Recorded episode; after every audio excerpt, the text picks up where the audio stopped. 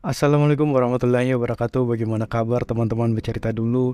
Semoga kamu sehat selalu, bahagia selalu, sehat secara fisik maupun secara psikis.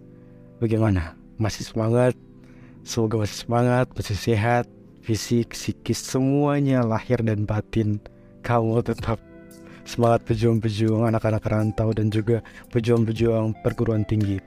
Entah dari jalur mana pun kamu akan ikuti Oke, di video bercerita dulu kali ini kita akan membahas tentang bagaimana sih caranya kita berhemat jika nanti kita menjadi seorang mahasiswa rantau.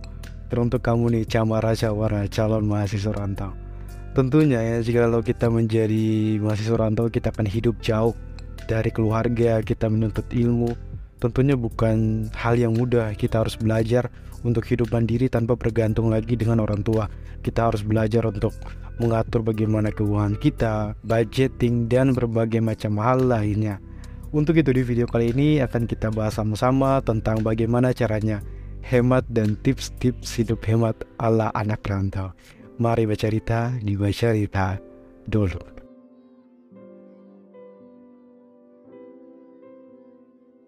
Tips yang pertama yaitu cari tempat kos atau tempat tinggal kamu yang ada di sekitaran kampus dan juga dekat dengan kampus. Jadi sebisa mungkin kamu mencari lokasi kos yang dekat dengan kampus. Jika tidak memungkinkan atau kamu datang terlambat dan sudah full, ya cari saja yang paling dekat dan yang paling ada dari dekat kampus. Karena lokasi kos yang sangat dekat dengan kampus ini biasanya lebih cepat habis dan juga agak sedikit mahal tapi itu bisa menghemat dengan sangat-sangat hemat biaya perjalanan kamu. Mungkin kamu memakai motor, motor pribadi bisa menghemat bensin kamu atau kamu berjalan kaki juga bisa. Kamu menggunakan transportasi umum juga akan lebih menghemat kamu jika kamu memilih kos yang di dekat kampus. Namun dengan dengan tinggal kos di dekat kampus kamu juga bisa menghemat biaya. Tapi biasanya teman-teman kamu akan lebih sering mengunjungi kos-kosan kamu karena lebih dekat dengan kampus. Tapi itu kalau kamu mengizinkannya saja. Tapi kalau kamu tidak izinkan mereka ya tidak apa-apa terserah kamu juga sih. Jadi lumayan kamu bisa menghemat biaya perjalanan kamu dari kampus ke kos ataupun dari kos ke kampus. Yang kedua yaitu budgeting atau tabel pengeluaran. Jadi masih banyak anak rantau yang belum belum benar memahami atau terlalu malas memahami tentang tabel pengeluaran atau budgeting. Padahal budgeting ini salah satu hal pertama ketika kita akan menjadi seorang anak rantau. Dan lagi jika kamu selama ini merasa kalau uang kamu yang ada cepat sekali habis dan kamu tidak tahu nih uang itu lari ke mana, ke mana saja dikeluarkan, maka hal itu kemungkinan besar kamu belum membuat sistem budgeting atau tabel pengeluaran yang baik. Jadi dengan adanya budget kamu akan tertolong nih untuk mengatur keuangan kamu. Karena sudah tahu nih kisaran dana yang akan kamu gunakan untuk salah satu jenis pengeluaran. Jadi nih sebenarnya budgeting itu hal yang sederhana dan sangat simpel. Kamu hanya perlu untuk membuat daftar pengeluaran kamu dalam sebulan.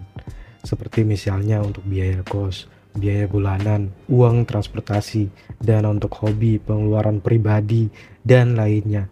Lalu kamu tentuin nih berapa jumlah dana yang kamu gunakan dalam setiap jenis pengeluaran itu. Jadi nantinya saat kamu berbelanja atau menggunakan uang buat hobi, pastikan dana tersebut kamu keluarkan tidak melebihi budget yang kamu sudah tentukan nih.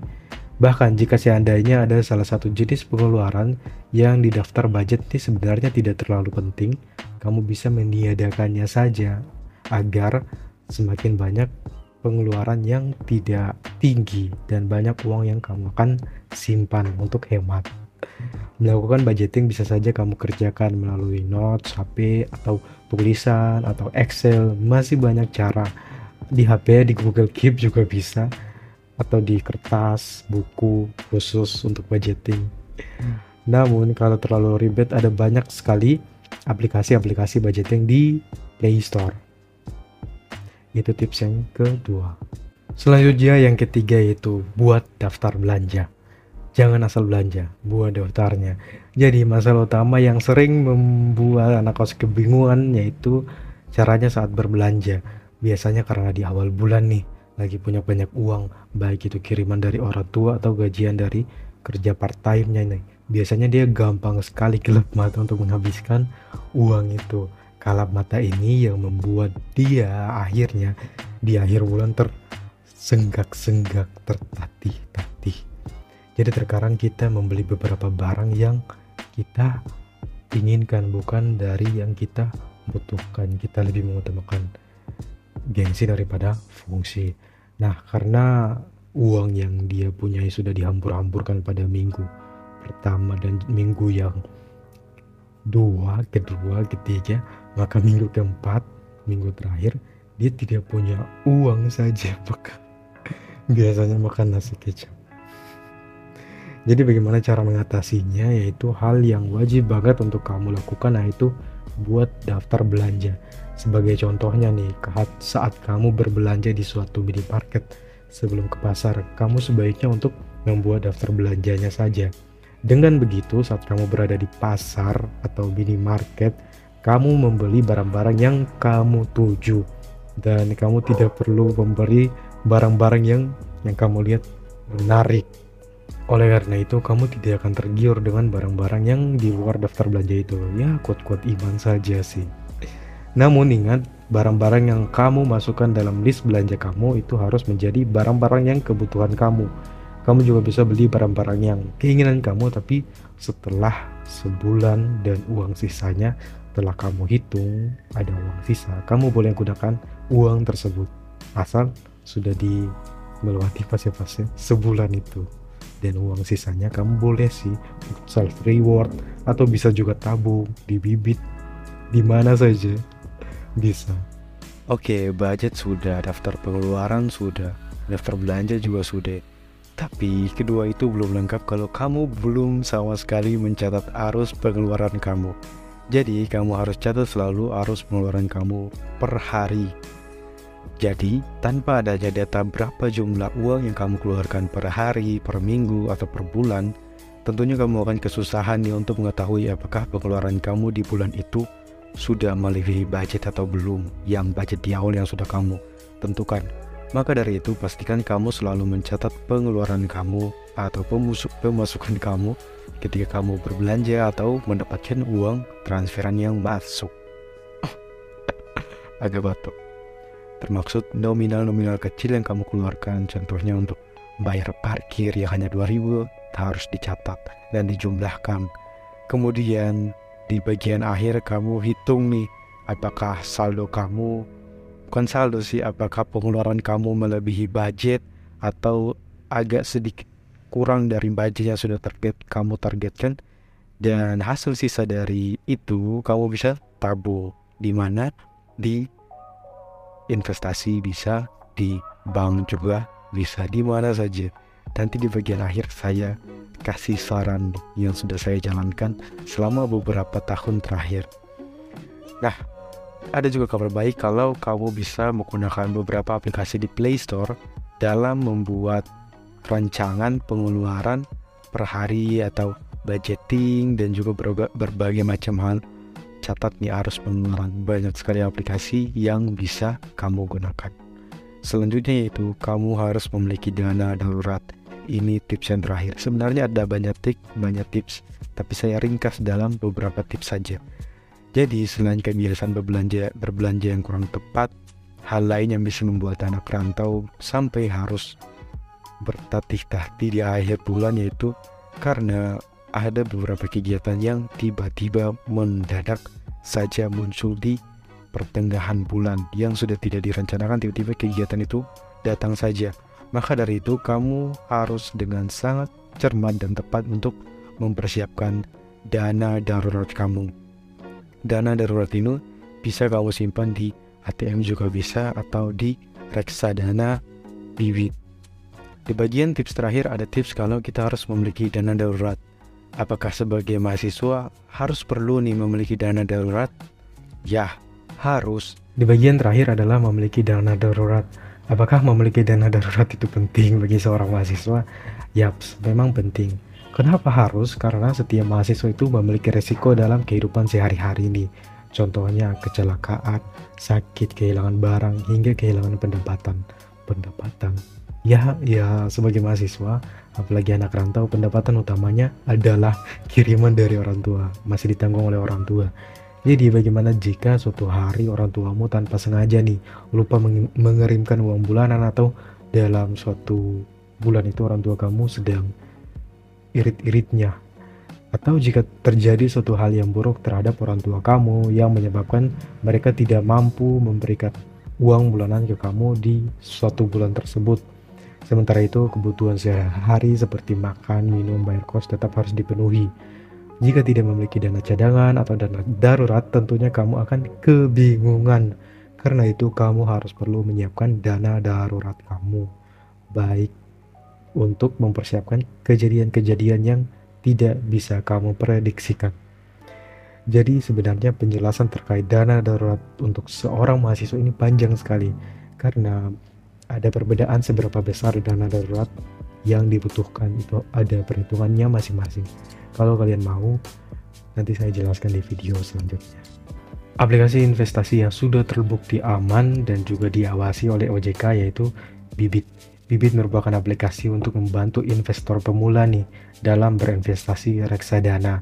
Aplikasi Bibit sudah memiliki izin sebagai agen penjual reksadana dan terdaftar di Otoritas Jasa Keuangan OJK. Jadi teman-teman, kamu bisa saja mendaftar Bibit untuk berinvestasi reksadana di situ. Caranya sangat gampang sekali yaitu kamu buka aplikasi Bibit dan melakukan registrasi seperti biasa, download kemudian registrasi. Install aplikasi Bibit di HP, lakukan registrasi dengan cara mengetap tombol register di layar dan juga isi semua data yang dibutuhkan. Selanjutnya, klik gunakan tab tombol gunakan dan pastikan nama pemilik kode referral muncul pada bagian nah bagian bawah kode kode referral. Jadi, setelah kalian daftar, kalian masukkan kode referral untuk mendapatkan cashback sebanyak 25.000 yaitu kodenya yaitu baca Rita dulu. Selanjutnya selesai saja, cashback kode referral dapat kamu gunakan setelah kamu melakukan proses verifikasi pendaftaran selesai. Jadi, ada beberapa langkah kalau kamu ingin menggunakan cashback dari kode referral tersebut, kode baca Rita dulu. Caranya yaitu ketika kamu melakukan pembelian dengan Robo yaitu kamu buka aplikasi Bibit yang terpasang di HP, selanjutnya klik investasi sekarang di halaman menu utama, selanjutnya masukkan nominal investasi nih, minimal 100.000. Minimal 10.000 juga ada. Kemudian aktifkan tombol gunakan cashback. Bisa kalian cek kalau kalian sudah install kemudian aktifkan tombol gunakan cashback dengan menggeser toggle case lalu klik opsi beli sekarang. Pastikan produk pembelian dengan cashback termaksud dalam rincian pembelian kamu nih. Caranya klik tombol checklist dan juga klik bayar sekarang. Ada juga penggunaan cashback dengan pembelian non-robo yaitu caranya buka aplikasi Bibit, kemudian pilih produk reksadana yang kamu ingin beli dan masukkan nominal investasi misalnya 100.000 kemudian aktifkan gunakan cashback lalu klik beli sekarang. Lalu pastikan produk pembelian yang kamu pilih sudah sesuai dengan cashback termaksud dengan rincian pembelian kamu. Selanjutnya lakukan pembayaran untuk pembelian produk reksadana kamu. Pembelian reksadana dari cashback akan diproses nih dan masuk ke portofolio kamu maksimal 5 hari kerja setelah pembelian reksadana utama berhasil. Cashback yang diterima yaitu dalam bentuk reksadana Manulife Dana Kasaraya senilai cashback yang kamu gunakan. Jadi itu adalah penjelasan kalau kamu ingin memasukkan kode referral baca Rita dulu di aplikasi Bibit kamu. Jadi itu adalah penjelasan jika kamu ingin mendaftar Bibit kemudian ingin mendapatkan cashback sebanyak 25.000 maka gunakan kode referral baca Rita dulu untuk mempersiapkan dana darurat. Kalau kamu ingin penasaran tentang pengaturan bagaimana dan bagaimana tentang investasi, Oke, yang tadi adalah bagaimana langkah-langkah dalam melakukan registrasi. Kemudian kalau kamu ingin mendapatkan cashback sebanyak 25.000, kamu masukkan kode referral baca Rita dulu, kemudian klik register, beli. Tadi saya sudah jelaskan langkah-langkahnya kalau kamu melakukan pembelian melalui robo atau non robo. Dan sangat gampang saja demikian video-video tips langkah-langkah untuk menjadi camara yang hemat dan juga memiliki dana darurat yang cerdas. Terima kasih. Wabillahi taufiq wal hidayah. Wassalamualaikum warahmatullahi wabarakatuh